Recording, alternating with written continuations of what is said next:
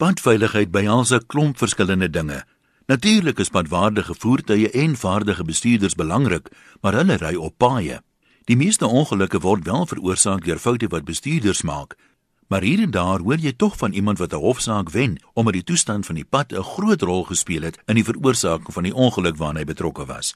My seun studeer in die regte en soos enige student is hy ook slimmer as enige iemand wat al ooit op RSG se regsaake gepraat het. Hy het nalatigheid aan my probeer verduidelik aan die hand van die redelike man toets of aan deesdae die redelike persoon.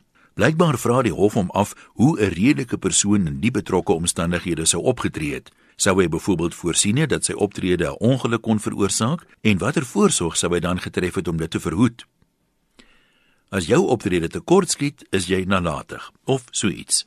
Ek het 'n bietjie van 'n probleem met die toepassing daarvan in Suid-Afrika. 'n redelike man wat gereeld in ons land rondry, sal mos weet op die platteland is daar gedurig beeste op die pad. En in die stad durf jy nie wegtrek as die verkeerslig vir jou groen slaan nie, want daar ry nog minstens 3 karre oor die rooi lig van die ander kant af. Die redelike man sal ook slaggate om elke hoek en draai verwag en bewus wees daarvan dat net een uit 3 karre wat regs draai, hulle flikkerligte aansit. Vanus Rautenbach het destyds gesê, jy behoort te aanvaar die ou wat voor jou en agter jou ry is 'n aap. Nou as die redelike man dit aanvaar, sal daar seker heel wat minder ongelukke wees.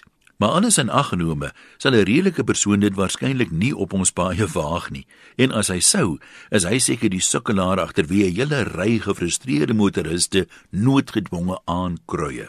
So gepraat van frustrasie, daar's blykbaar geen vaste riglyn oor sperstrepe en spoedbeperkings op ons nasionale paaie nie. Daantjie kat of een of ander karakter het ons op laerskool geleer dat 'n sperstreep beteken dit is onveilig om verby te steek vir een van die twee bane of vir albei. Maar wie dit bepaal? Was dit 'n bangspietkop, 'n cowboy spietkop of sommer net die padwerkers wat die strepe moes verf? Jy hoef nie ver te ry nie om talle plekke te kry waar jy wettig mag verbysteek, maar die afstand van die pad wat jy kan sien tot by die volgende hoogte is so kort dat net 'n blitsvinnige sportmotor dit veilig kan doen. En dan is daar weer plekke waar jy nie mag verbysteek nie. Al kan jy ver genoeg sien dat iemand met 'n ou dieselbakkie wat 'n karavaan sleep, steeds veilig kan verbysteek. Spoedbeperkings is net so inkonsekwent. Soms kan jy 120 ry op 'n smal gelapte paadjie en net na die volgende dorp moet jy weer 100 ry op 'n breë pad met 'n geel streep en geteerde skouer aan die kant. Toe ek vir iemand die dorp vra hoekom die hele 50 km splinte nuwe teerpad in sy dorp en die vorige dorp dan net 100 km/h spoedbeperking het, raai hy dus oor die koletrokke op die roete.